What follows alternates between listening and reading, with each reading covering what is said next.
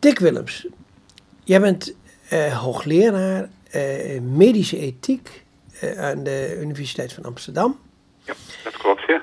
En je bent betrokken geweest bij een, een opstelling van, ja, wat mag ik dat noemen, voorrang van behandeling bij de COVID-19.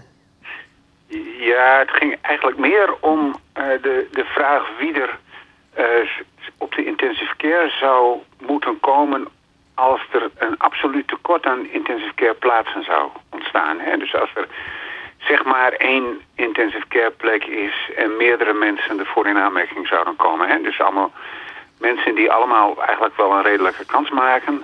Uh, wat hoe je dat moet aanpakken. Want dat was de grote zorg in april met name. En mensen zijn bang nu ook wel dat het er nu ook weer aan zit te komen.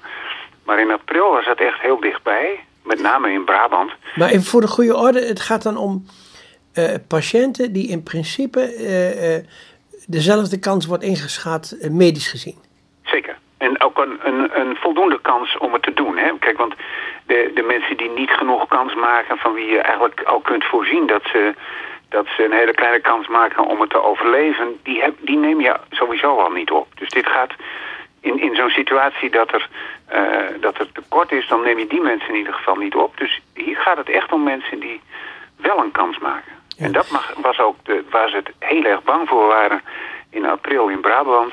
Dat het, de situatie zou ontstaan dat je ook die mensen niet meer allemaal zou kunnen helpen. Dus nadat je alle medische redenen om iemand nou ja, waarom het eigenlijk beter voor iemand is misschien om niet opgenomen te worden op de intensive care. Als die allemaal voorbij zijn, hè, en, en je hebt, maar je houdt dan nog steeds mensen over uh, die wel een goede kans maken, maar waarvoor je te weinig plek hebt. Dat was de grote zorg. Ja, en uh, hadden jullie daar een opdracht toe gekregen? Of hoe ging dit? Ja. Ja, nee, die, die kwam eigenlijk vanuit de artsen. Dus de, de artsen, met name in, uh, in, in Brabant, dus in Uden en, en Tilburg en zo, die, die hadden gezegd tegen de artsenorganisatie... wij hebben een richtlijn nodig voor wat we in die situatie moeten doen. Want medische, medische redenen, dat kunnen ze allemaal wel aan. Dat is ook heel naar om te doen, maar dat, daar zijn ze voor opgeleid. Maar zij zeiden op het moment dat we eigenlijk geen medische redenen meer hebben... om een verschil te maken tussen twee mensen die wachten op intensive care opname.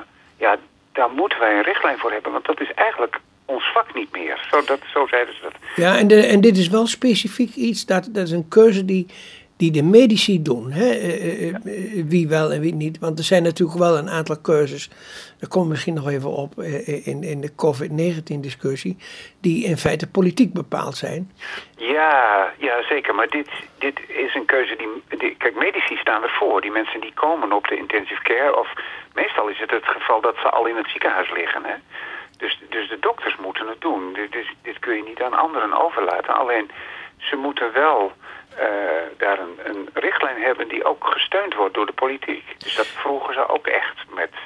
Hè, want ze willen natuurlijk niet achteraf uh, dat er tegen hen gezegd wordt... maar ja, jullie hebben beslissingen genomen, dat, dat kon helemaal niet. En daar hebben wij, dat, dat, dat daarna de politiek over ze heen zou vallen, zal ik maar zeggen.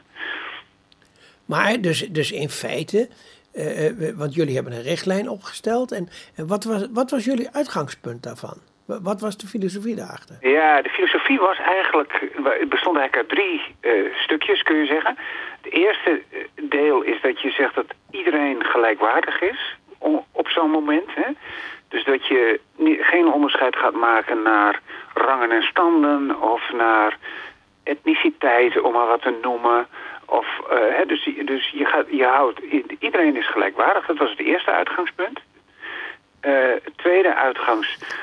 Dan bedoel je dus, uh, iedereen is gelijkwaardig. Iedereen die, die bij de poort staat van een ziekenhuis, ja. zeggen, zal maar zeggen, die wordt gelijkwaardig behandeld. Ja, dat, dat, is, dat was het eerste en, en ik denk eigenlijk het allerbelangrijkste uitgangspunt.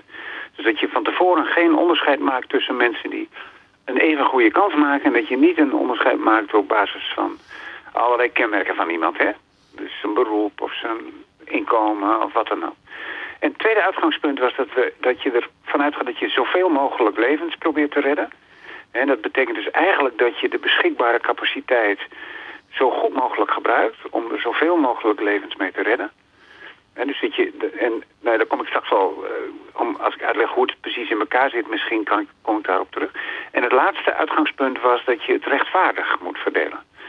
Dus dat je, dat, dat, uh, dat je uh, de, als je criteria gebruikt, en dus, dus redenen om sommige mensen wel en andere mensen niet voor te laten gaan, dat die redenen rechtvaardig moeten zijn.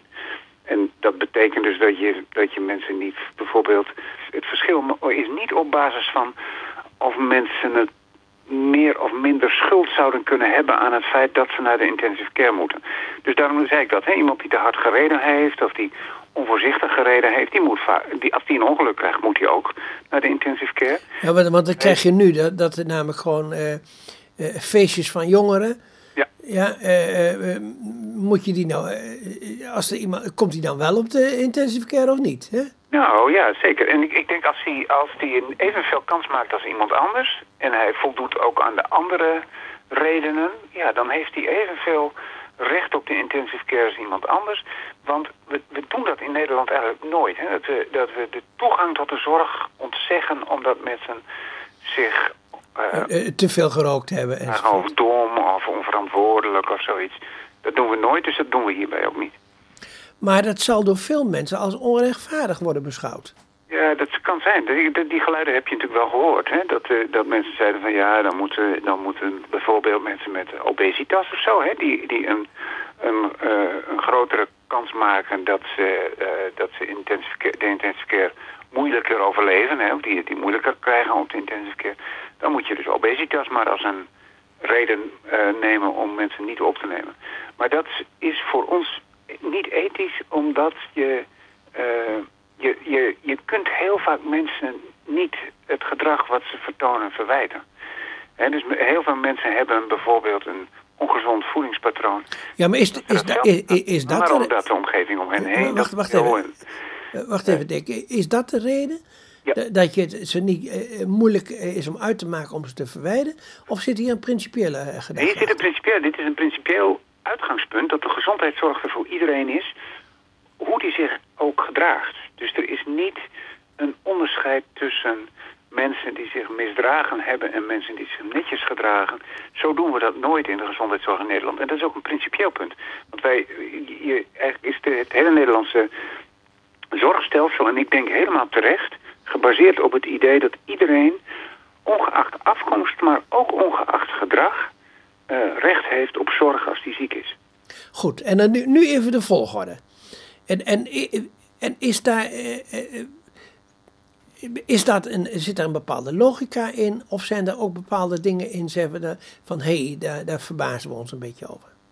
Uh, nou, ik, ik, ik, ik, de volgorde die we. We hebben een, een, eigenlijk drie redenen genoemd waarom mensen, waarop je mensen kunt uh, selecteren. En de eerste reden is dat je mensen wilt selecteren omdat die, die een kortere opnameduur op de intensive care nodig hebben. En dat heeft te maken met dat idee dat je zoveel mogelijk levens wilt redden. En dat, dat staat dus eigenlijk een beetje bovenaan. Hè? Dus dat je, de, de dat je die intensive care capaciteit, als die te laag wordt, hè, dus de hoeveelheid bedden te klein wordt, dan moet je die bedden echt zo gebruiken dat je zoveel mogelijk mensen redt. En daarom staat bij ons bovenaan het principe dat mensen met een kortere opnameduur, een kortere verwachte opnameduur, dat die voor zouden moeten gaan op mensen met een langere verwachte opnameduur. En dat betekent dus, en dat is wel goed misschien om even echt duidelijk... Heel cru gezegd van, uh, liever twee redden dan één. Ja, ja. Dat, is, dat klinkt cru, maar ik denk dat het helemaal te verdedigen valt.